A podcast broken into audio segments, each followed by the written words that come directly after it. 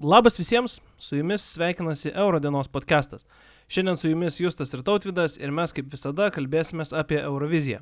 Tautvidai, ar išsimegojai po Sanremo finalo Italijoje? Labas rytas, laba diena galbūt. Na, iš tiesų, miego po Sanremo festivalio tikrai reikėjo, tačiau stebint jį jau nebe pirmus metus, tikriausiai nieko kitur nesitikėjau. Aš gal labai trumpai tiesiog e, klausytojams papasakosiu, kas vakar dėjosi Italijoje. Sanremo festivalio nebūtų galima turbūt vadinti Italijos atranką į Euroviziją, tai yra tiesiog atskiras festivalis, kurio nugalėtojas gauna teisę e, atstovauti šaliai Eurovizijoje. Nes, na, Eurovizija ten yra visiškai antrinis dalykas. Tai viskas vakar prasidėjo maždaug 21.45 e, Lietuvos laiku, o per pirmas dvi valandas dvi valandas. Pasirodė aštuoni atlikėjai iš viso 23 finalistų.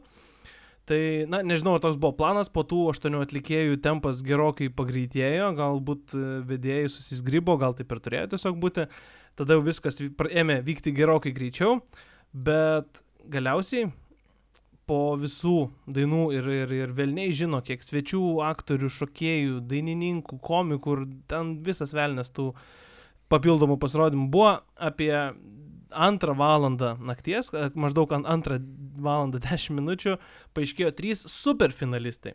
E, tada vedėjai antrą kartą atidarė balsavimą, parodė po trumpą tiesiog kiekvieno pasirodymo, na, iš tų trijų ištrauką. Ir po maždaug 20 minučių, jau buvo apie 2.30, sustabdė balsavimą. Tada pasirodė dar viena dalis ir, ir dar viena krūva visokiausių svečių. Praėjus pusvalandžiui po balsavimo linijų uždarimų, mano akise jau tada suspindo didelė viltis, kai ant scenos buvo pakviesti trys visi dalyviai, tie, na, likę finalistai ir e, staiga kažkaip taip net labai netikėtai paskelbė greitai trečią vietą. Ir tada nuvijo tuos du likusius vargšus atlikėjus, kurie jau ten penktą valandą e, tam e, festivalyje laukia tų rezultatų ir dar pusę valandos jie ten vargo, dainavo, jokavo, šoko ir na, ko tik tai nedarė. Tai kai apie pusę keturių nakties aš pamačiau ant scenos užlipusius kažkokius Italijos reperius, kurie pradėjo dainuoti bailando, tai aš tiesiog uždariau laptopą, pasidaviau ir nuėjau miegoti, taip ir nesulaukęs galutinių rezultatų. Bet, na, apie užsienio naujienas ir apie užsienio, kas vyksta užsienyje pakalbėsim šiek tiek vėliau. E, grįžkim į Lietuvą, grįžkim į savo kiemą ir vakar įvyko antrasis, pabandom iš naujo e, pusfinalis ir finalą pateko keturi dalyviai. Monik, Monika Marija, Miendai ir The Backs. Tautidai, kaip tau vakarykštė laida? um, tikriausiai nebūsiu vienintelis, e, manantis, jog vakarykštis pusfinalis buvo silpnesnis nei pirmasis. Manau, kad e, vos ne visi pirmojo pusfinalio dalyviai, jeigu jie būtų pasirodę vakar, būtų turėję tikrai geras galimybės gauti tą vietą finale, kuri atiteko grupiai The Backs. Dėl kitų trijų finalistų, tai Monikos Marijos, e, Monik, Mendai, tikrai džiaugiuosi, jų pasirodymai ir dainos, mano nuomonė, yra tikrai verti nacionalinės atrankos finalo. Aš savo ruoštų tai visų pirma norėčiau apraudoti ir apverkti tą faktą, kad iš atrankos dėl sveikatos problemų turėjo pastraukti Evgeniją Retko. Čia man buvo didžiausia ir blogiausia turbūt naujiena praėjusią savaitę, nes, na, po atrankinių laidų ji buvo visiška mano favoritė ir aš manau, kad ta daina pusfinalėje būtų nuskambėjusi, nu, dar žymiai geriau ir, ir jos potencialas atrankinėje laidoje iki galo nebuvo atskleistas, bet na, jau nieko nepadarysim. E, Evgenijai tiesiog linkim sveikatos ir kuo greičiau pasveikus grįžti į sceną. O kalbant apie e, apie vakarykštį vakarą, apie vakarykščius rezultatus, tai turbūt, na, visiškai jie nenustebino, jau po filmavimo aš iš karto sakiau ir buvo man kaip ir aišku, kad į finalą tikrai pateks abi dvi Monikos, buvau beveik ramus dėl Miendai, o kas iš, na, o kad ir kas iš šio pusfinalio užimtų tą, na, ketvirtą vietą, e, finale dėl pergalės tikrai nekovos. Na, tai tą ketvirtą vietą užėmė The Backs merginos. E, klausimėlis, ar tave nustebino komisijos sprendimas Monikai Marijai skirti pirmą vietą? Tikriausiai nelabai mane tai nustebino, nes e, bendrą įspūdį geresnį, bent jau man taip pat, e, paliko Monika Marija. Manau, jog jos pasirodymas atrodė tikrai profesionalus ir užtikrintas. Tuo tarpu, kalbant apie Monik, kai kuriomis vietomis e, jos vokalas kiek šlubavo, galbūt tai galėjo užkliūti ir komisijai. Tiesa, tas skirtumas tarp dviejų Monikų, na bent jau e, komisijos lentelėje tikrai nebuvo didelis ir mane labiau nustebino atotrukis tarp e, dviejų Monikų žiūrovų balsavime. Ir galbūt dar pagalvojus tas faktas, kad nei viena Monika net nepriartėjo prie to balsų kiekio, kurį e, pirmajame pusfinalyje surinko grupė Derup. Jo, e, apie komisijos balsavimą kalbant, tai panašu, kad trys komisijos nariai, na, nes penki žmonės balsuoja, e, Monika Marija sulinko 56 balus, o Monik 54, na, tai akivaizdu, kad trys komisijos nariai pirmą vietą skyrė Monikai Marijai ir du Monik. Nuoširdžiai, tai manęs na, irgi šitie rezultatai niekiek nenustebino. E, aš manau, kad komisija turėjo truputėlį pilos duoti Monik už, na, už tokį vokalinį pasirodymą. Ir, na, visiškai neišvežė vakar jos vokalas tos dainos, daina vis dar yra gera. Pasirodymas, na, turbūt skonio reikalas, kam patinka, kam nepatinka, bet, na, vokaliai tokio profesionalumo atlikėja turėtų pasirodyti tikrai, tikrai gerokai geriau. Tai jeigu mes sutarėm e, dėl antrosios laidos rezultatų ir sutarėm, kad na, ten didelių staigmenų neišvydome, tai galim pereiti ir prie mūsų atrankos finalo. Tai jau mažiau nei po savaitės, vasario 15 vyks atrankos finalas ir, na, būtų visada labai yra įdomu paspėlioti, pabandyti paprognozuoti, kas vyks tenai. Tikriausiai prieš pusfinalio etapą visiems atrodė, kad finale viens prieš vieną kovos e, darų pirmonik, bet pusfinaliai tai, na, sujaukė šias prognozes ir dabar dėl nieko turbūt negalim būti tikri, kaip tu manai. Na, pusfinaliai tikrai viską sujaukė ir manau, bent jau aš, kad e, finale grupė Derup kurių daina jau sėkmingai karaliauja ir radio topuose, bus e, pagrindiniai favoritai į žiūrovų lentelės pirmą vietą.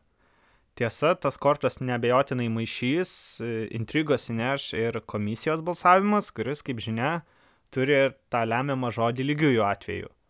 Ir matėme, kad abiejose pusfinaliuose e, favoritai žiūrovų ir komisijos išsiskyrė, komisija palaikė uh, labiau Aistė ir Monika Marija, tuo tarpu žiūrovai balsavo už Derų ir Monik. Tai tikriausiai tenka konstatuoti, kad e, turėsime įdomų finalą ir galbūt tai bus stimulas atlikėjams per savaitę sugalvoti, kaip dar galima patobulinti savo pasirodymus, na ir galiausiai iškovoti tą bilietą į Rotterdamą. Jo, mes vakar internete vienoje iš Eurovizijos fanų grupė, grupė, vienoje iš Eurovizijos fanų grupių matėm tokią lentelę, kur buvo susumuoti visi pirmų dviejų etapų rezultatai, tiek komisijos, tiek žiūrovų.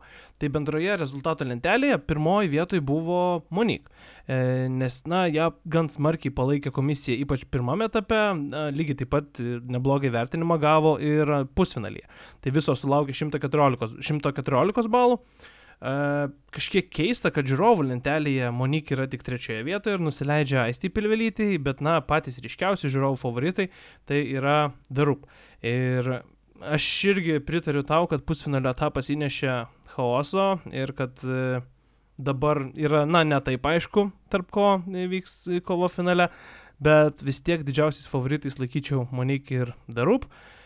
Ir kas labai keista, kad uh, šiame šiais metais, tiksliau, šių, šių metų finale, manau, kad pakankamai nesunkiai galim nuspėti, koks bus žiūrovų balsavimas. Tai esu beveik tikras, kad, na, kaip ir tu sakėjai, e, The Roop ir Monik, e, tu labiau sakei, kad The Roop e, bus favoritai žiūrovų balsavime. Aš manau, kad galbūt ir Monik savo fanus gali šiek tiek labiau mobilizuoti. Tai manau, kad jie užims pirmas dvi vietas drąsiai, galbūt Roop ir, ir, ir gali laimėti žiūrovų balsavimą.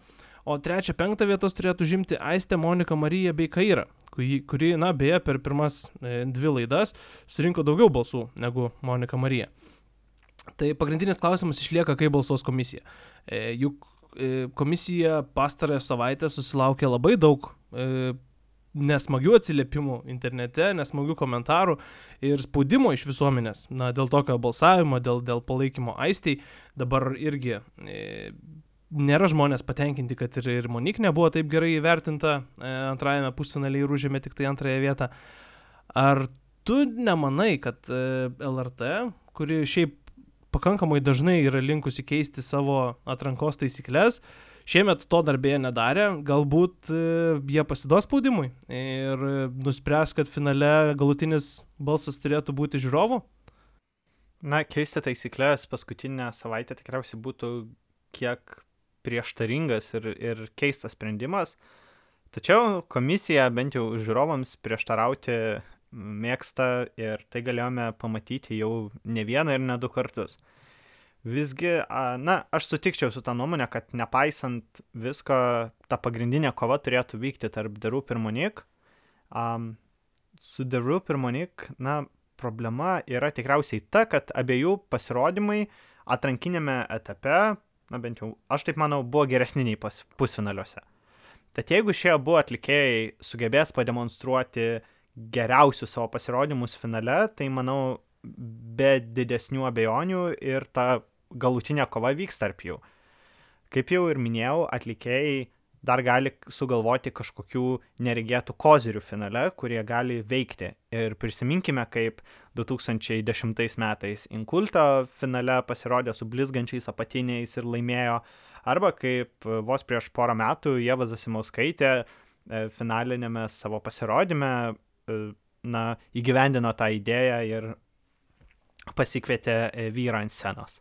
Tai iš tiesų bus įdomu pamatyti, ar finale išvysime tų kažkokių naujų e, pasirodymo detalių, kurios ir galėtų, na, tą galutinį rezultatą nulemti. E, dar kalbant apie prognozes, tai kaip tik prieš podcastą radau internete atnaujintas lažybų, e, lažybininkų e, prognozes, tai top sporte. Monik šansai yra vertinami geriausiai, koficijantas yra 1,9, The Roop yra šiek tiek žemiau su koficijantu 2,25, na ir tada yra šiek tiek tokia, toks didesnis tarpas, bet jis irgi nėra toks didelis. Monikos Marijos koficijantas 3,5, o Aistės 4. E, prieš uždarant Lietuvos atrankos klausimą, aš tiesiai šviesiai sakau tau ir drąsiai išauk, e, kas norėtum, kad atstovautų Lietuvai ir kas manai laimės. O, na, čia toksai e, labai netikėtas klausimas. Pradėsiu nuo to, kas manau, nes šiemet man yra as, asmeniškai kažkaip lengviau pabandyti tai pažiūrėti objektyviai. A, pripažinsiu, neturiu tikriausiai tos dainos, kuri, na, man, manyčiau, kad gali, sakykime, laimėti Euroviziją.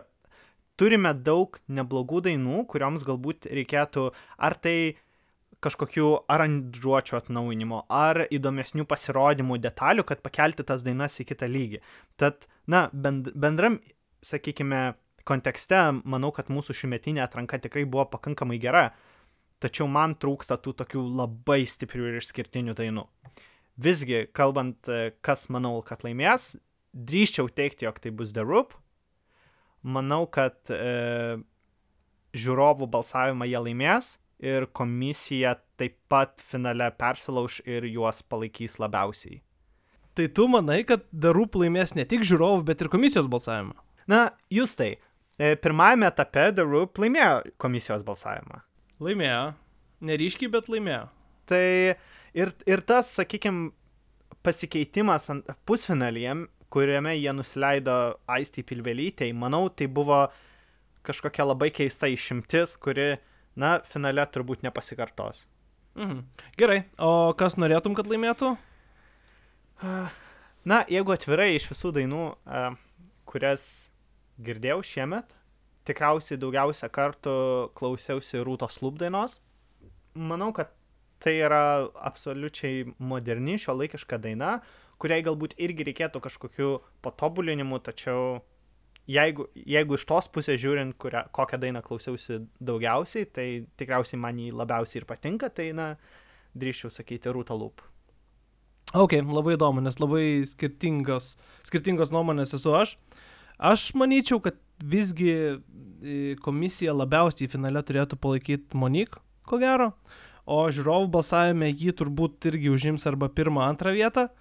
Ir, na, jau jeigu tu laimi komisijos balsavimą ir esi bent antroje vietoje žiūrovų lentelėje, tai tu, na, nė, nė, nėra niekaip įmanoma, kad tu pralaimėtum, nebent, kaip aš sakiau, dar neprarandu ne tai, kad vilties, bet manau, kad dar yra tokia intriga ir kad LRT galbūt gali sugalvoti ir taisyklės pakeisti paskutinę dieną. E, tai mano spėjimas būtų Monik, kad e, laimės, o Roop turėtų būti antroji vietoje irgi pakankamai stipriai. E, tuo tarpu mano e, favoritas šeštadienį bus e, Miendai. E, aš jau jos labai geriau pirmoji podcast laidoj, e, labai labai įsimylėjau šitą grupę.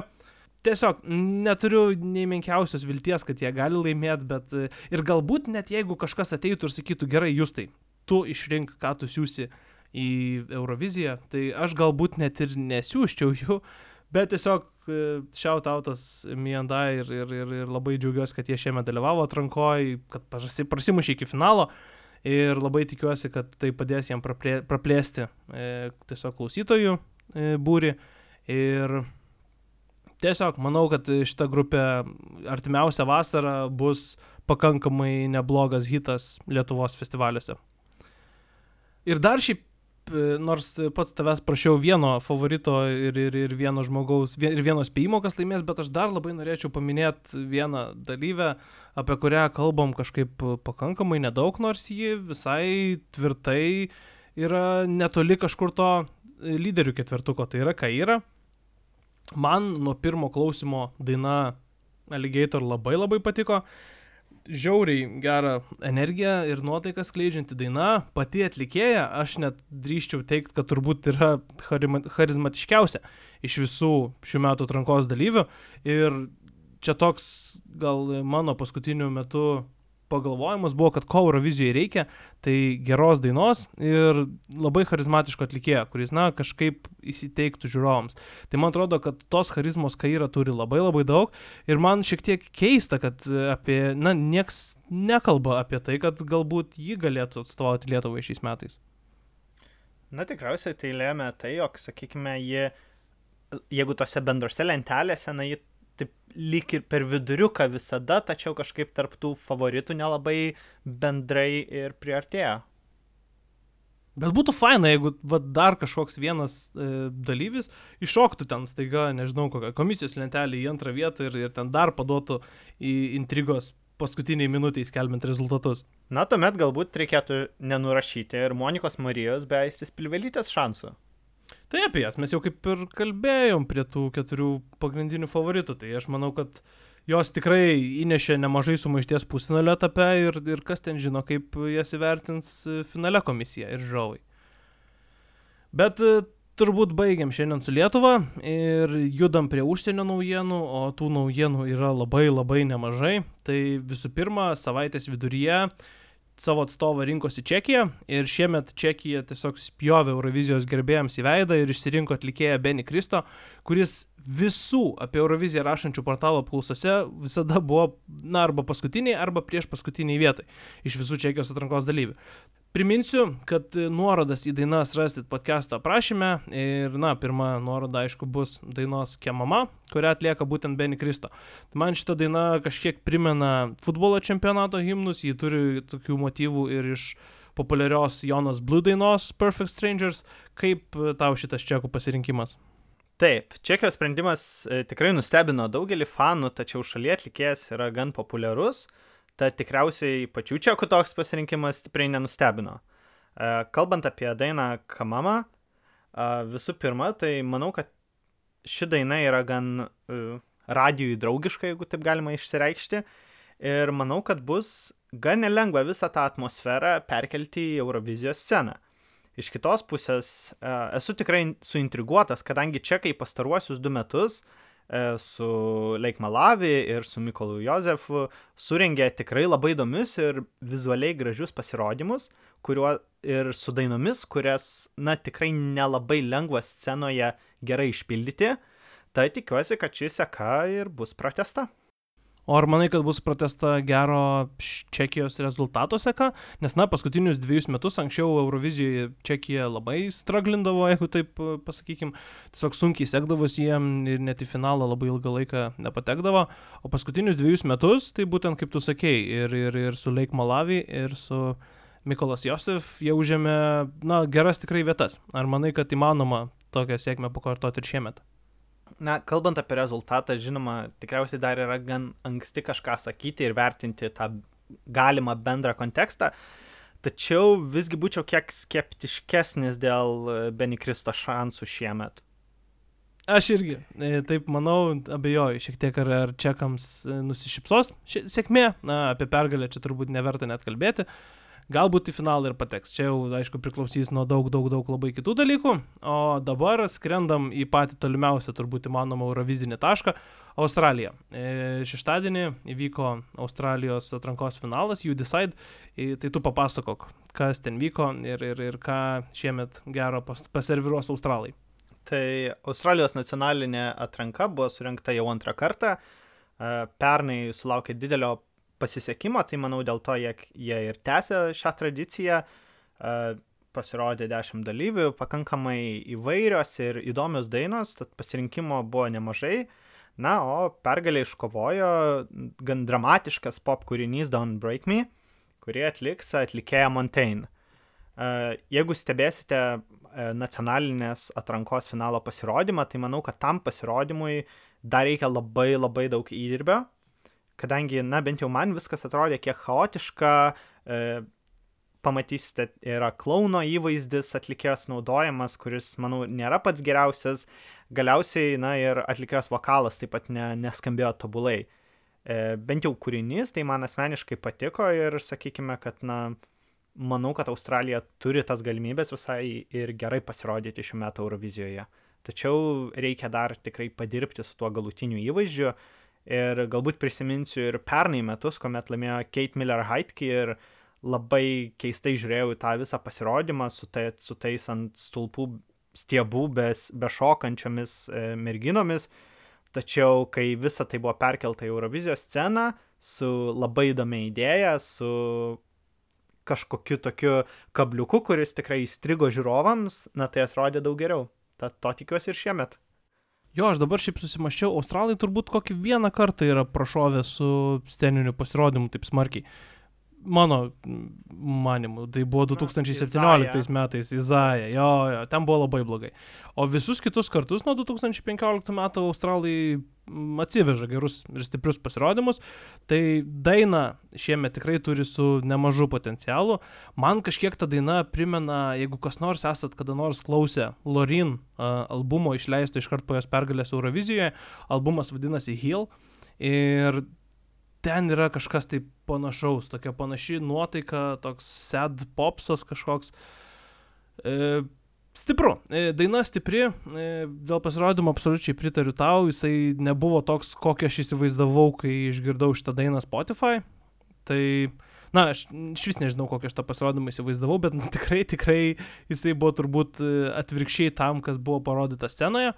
E, tai matysim, ką australai e, sugalvos gero šiemet. E, Ir tada einam toliau prie mūsų kaimynų Latvių. E, Latvijos atranka vadinasi Supernova ir šiemet ją, na, vakar ją laimėjo Latvijos Aistė Pilvelytė. E, dar kitaip žinoma Samantos Tinos vardu.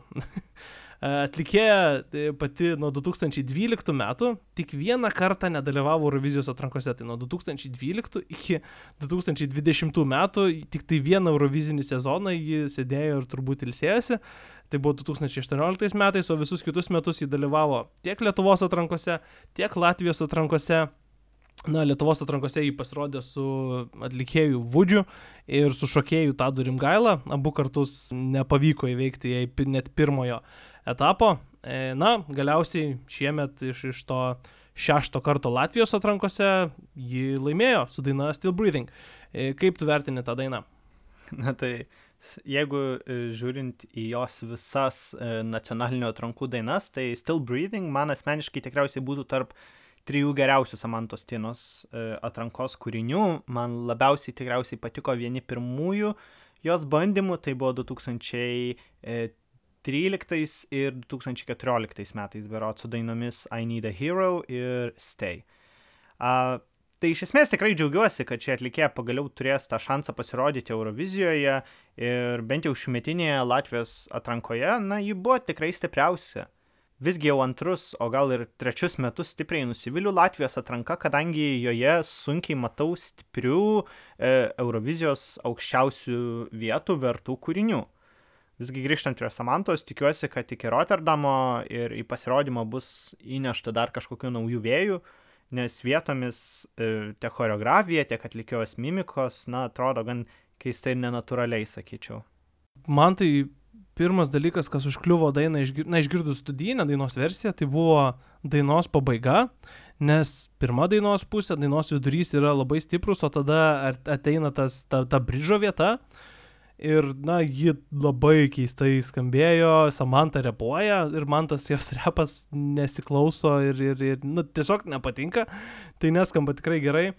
Labai jokingai jie į tai pažiūrėjo pasirodymo metu, nes e, visą pirmą dainos pusę back vokalistės tiesiog kažką tai laikė rankoje ir tai, na, intrigavo visai, kas ten tokio yra ir kodėl jos tai laiko e, rankose ir galiausiai būtent to keistojo bridžo metu paaiškėja, kad tai, ką jos laiko rankose, yra paprasčiausi purkštukai ir jos pradeda purkšti vandenį tiesiog į sceną priekyje. Tai na, nežinau, galbūt reikėtų įkėjoje nusipirkti kokią mažą gelytę ir bent jau tą gelytę palaistyti su tais purkštukais pasirodymo metu. Bet šiaip tai, jeigu rimčiau, tai daina labai, na, nebloga, galbūt taip sakyčiau, ir visiškai pritariu tau, kad pastaruoju metu Latvijos atrankos būna silpnokos, o jie dažniausiai net ir iš tos silpnos atrankos pasirenka, na, negeriausius variantus, o kažką, kas ten nustebina.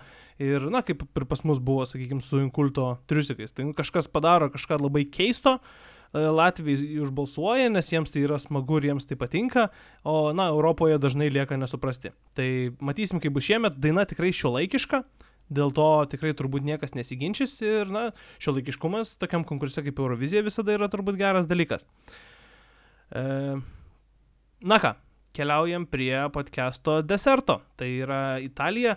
Ir podcast'o pradžioje užsiminėm apie visą tą procesą vykusi vakar iki ketvirtos e, ryto beveik, e, kaip vyko tas finalas. Ir Ir tautvidai tu minėjai, kad tu nebuvai nustebęs, nes jau ne pirmus metus stebi, aš tai buvau šiek tiek šokė, kaip įmanoma temti laiką ir čia galbūt irgi reikėtų turbūt nusiųsti linkėjimus LRT ir padėkoti, kad jie mūsų nekankina su tokiais e, svečiais, su tokia svečių gausa ir tokiais jų pasirodymais. Dieve mano, vakar nuo komiko kalbančio su mikrofonu, kuriam yra įjungtas kažkoks juokingas, gals, garsas iki Sabrinos dainuojančios Boys, Boys, Boys, iki tų reperių, per kuriuos aš jau nebetlaikiau ir išjungiau. Na, žodžiu, tu tiesiog papasako, kas vyko vakar Italijoje. Tai visų pirma, galbūt šiek tiek tos informacijos bendrai apie Sanremo festivalį. Tai jis Italijoje vyksta nuo 1951 metų, šiemet buvo 70-asis jau festivalis, jis įkvėpė ir pačią Euroviziją. Tad, na, Italijoje tai tikrai yra metų įvykis, sulaukiantis beprotiško susidomėjimo, mušantis žiūrimumo rekordus. Šiemet, sakykime, tas žiūrimumas sviravo tarp 50 ir 70 procentų nuo visų tuo metu žiūrėjusių televiziją, tai galima įsivaizduoti maždaug uh, piko metu apie 13 milijonų žmonių Italijoje stebėjo šį festivalį, pridėkime internetu dar stebėjusius žmonės, kadangi transliacija buvo pasiekiama RAI televizijos svetainėje. Tad tie skaičiai tikrai yra gan dideli ir galbūt dėl to tas renginys gali sauliaisti vykti vos ne 6 valandas.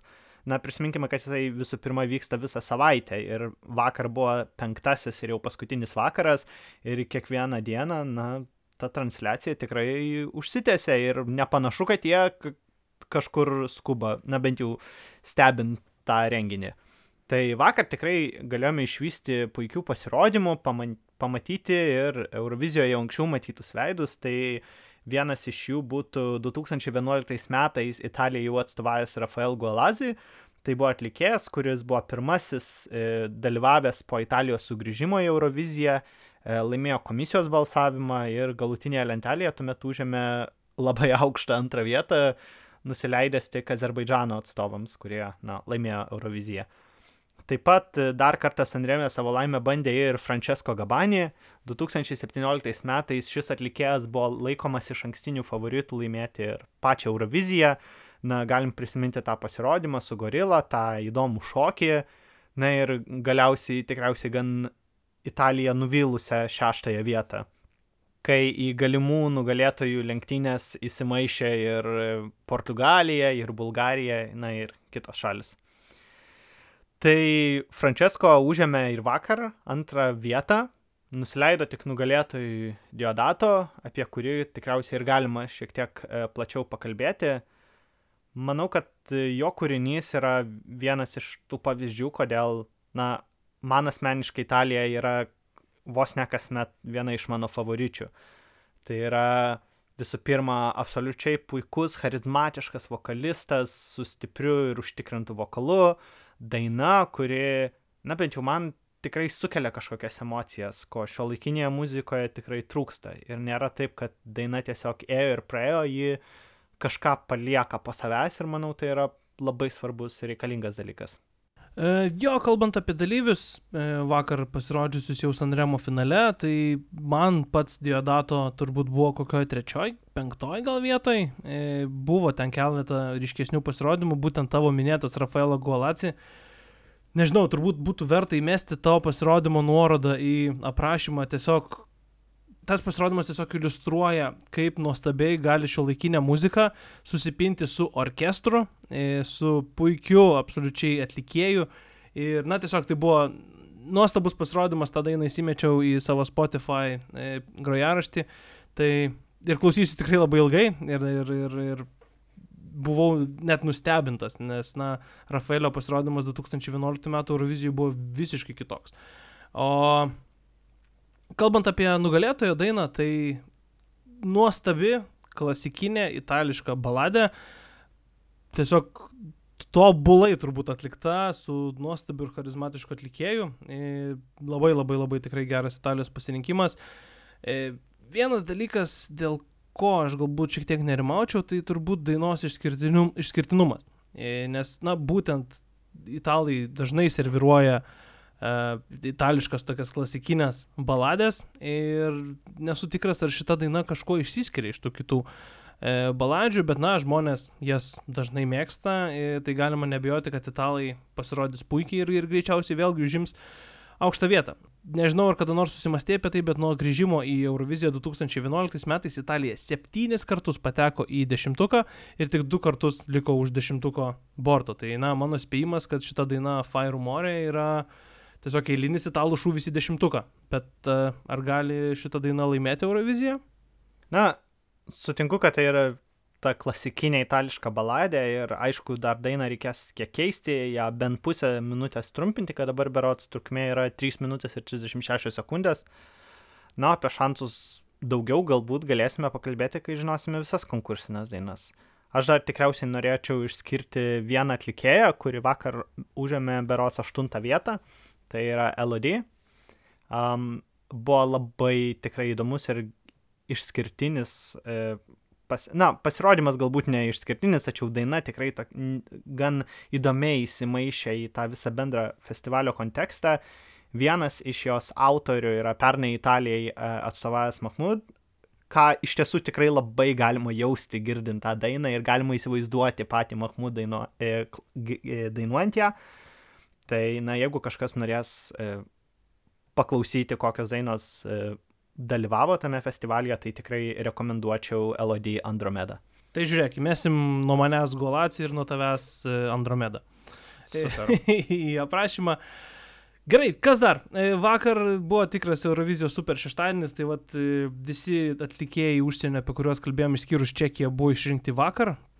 Taip pat e, vakar baigėsi ir X Factorius Maltoje e, ir būtent e, tokiu formatu jau ne pirmus metus yra renkama šios šalies atlikėja ir tenai laimėjo tokia galbūt kai kuriems Eurovizijos gerbėjams jau girdėta atlikėja Destiny. Papasakok apie ją truputėlį. Taip, tai Destiny laimėjo X Factorių, tai yra jauna atlikėja 17 metų, tačiau turinti absoliučiai stogą nunešanti vokalą ir ją geriau galima žinoti kaip vaikų Eurovizijos nugalėtoja. 2015 metais ji dalyvavo Sofijoje su daina uh, Not My Soul ir buvo ta atlikėja, kuri Maltai iškovojo antrą vaikų Eurovizijos pergalę.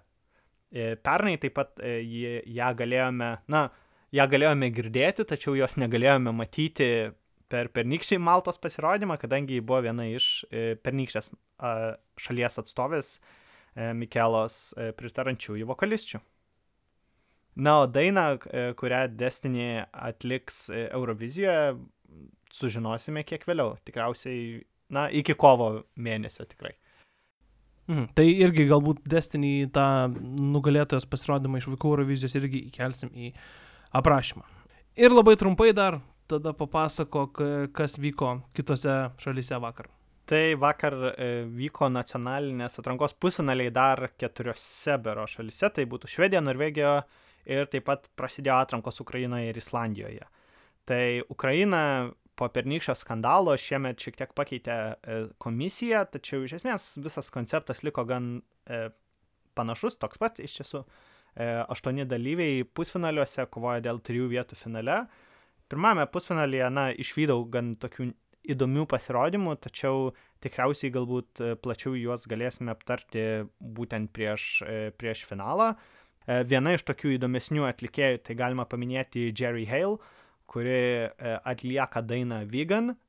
Na tai yra gan netradicinė ir, sakykime, išskirtinė daina, kuri, na, sulaukė pakankamai žiūrovų ir komisijos palaikymo, kad patektų į finalą. E, visgi tiek žiūrovų ir tiek komisijos favoritai buvo grupė e, Kruts su daina 99, 99 ar dar kokią kitą kalbą galime tai vardinti. Bet e, manau, kad ir antrajame pusfinalėje bus tų kandidatų įvykti Euroviziją. Kalbant apie Norvegiją, tai vyko jau penktasis ir paskutinis atrankos pusfinalis ir kitą savaitę vyks finalas.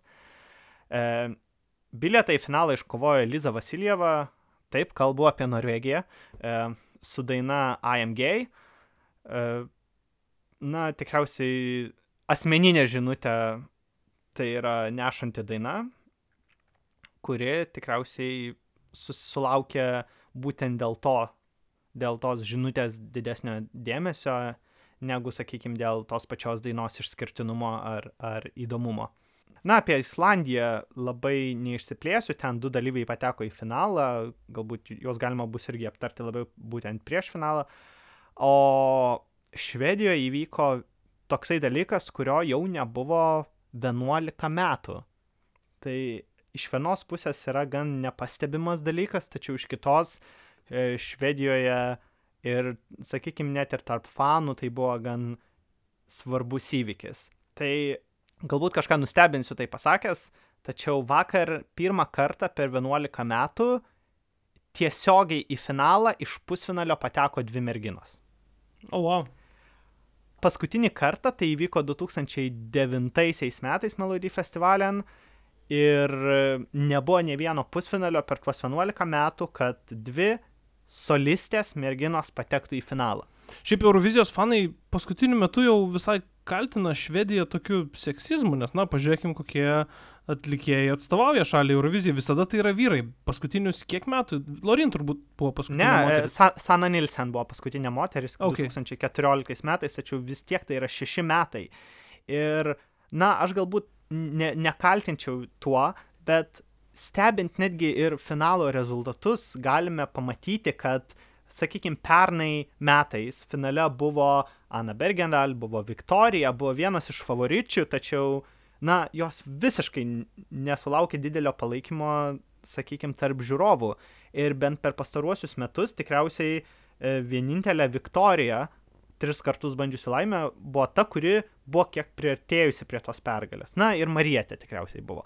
Tačiau iš esmės e, tai jau yra gan pastebima, kad Švedijoje yra tas labai stiprus, bent jau Melody festivalė, na, pasakykime, vyro atlikėjų kultas ir jiems yra tikrai daug lengviau ir jie daug dažniau patenka į, į finalą negu merginos. Tai vakar tas įvykis, na, nustebino tikrai ne vieną. Ir į finalą pateko 2010 metais Švediją atstovavusi Ana Bergendal, kuri geriau žinoma yra kaip vienintelė Švedijos atstovė nepatekusi, nepatekusi į Eurovizijos finalą. Pernai ji sugrįžo į atranką su Ashes to Ashes, na ir šiemet vėl dalyvauja su daina Kingdom Come, kuri, na, kiek yra panašiai jos pernykščia daina. O antra finalo dalyvė yra Dotter, kuri prieš kelis metus bandė laimę, pusfinalyje suklupo ir, na, man bent jau asmeniškai jos daina vėlgi primena Siją. Pirmajame pusfinalyje buvo Malų, kuri man priminė Siją, tai vakar man Dotter priminė Siją. Kažkaip Tai- švedai vėluoja, Stasija Biškelė, man atrodo, jinai populiaresnė prieš kokius metus ar du buvo. Taip, tačiau galbūt, išski- galbūt šie du pasirodymai sužavėjo tuo, kad abu du jie scenografiškai atrodė tikrai labai įdomiai ir gerai. Um, pas Dotter buvo daug žaismų su šviesomis, um, projektuojamos šviesos tiesiog į ranką, ten ji visa, visa buvo paskendusi šviesose. Ana turėjo labai labai daug šokėjų, buvo toksai gan, gan tamsus, tačiau mistinis įvaizdis, bet jisai labai stilingai ir gražiai atrodė, tai E, Na, sakykime, Eurovizija tikriausiai to nelabai būtų galima įgyvendinti, nes tik šeši žmonės gali būti ant scenos. Tačiau, na, sakykime, Švedijoje tai suveikia ir, ir taip, štai tokios naujienos būtų tikriausiai iš užsienio šią savaitę. Tai dėkojam užsienio korespondentui Tautvidui už šią apžvalgą. E, Šiaip e, turbūt neapkrausim podcast'o aprašymo su visom nuorodom, apie kurias kalbėjom, bet įmesim vieną nuorodą, tai yra iš mūsų portalo rodina.lt, kur yra aprašyti visi šeštadienio rezultatai. Na, tai tiesiog visas nuorodas į tos pasirodymus rasite ten. O šiandien mes manau, kad jau baigiam. E, laukia tikrai labai labai įdomi savaitė, atlikėjai ruošis e, nacionaliniai atrankai, aš tikiu, kad žurnalistai irgi nuolatos kalbins tai vieną, tai kitą atlikėją, tai tikrai laukia puikiai Eurovizinė savaitė ir susiklausysim kitą kartą, kai jau žinosim, kas veš Lietuvos vėliavą į Rotterdamą. Tai su jumis buvo Rodanos podcastas ir atsisveikiname iki kitos savaitės.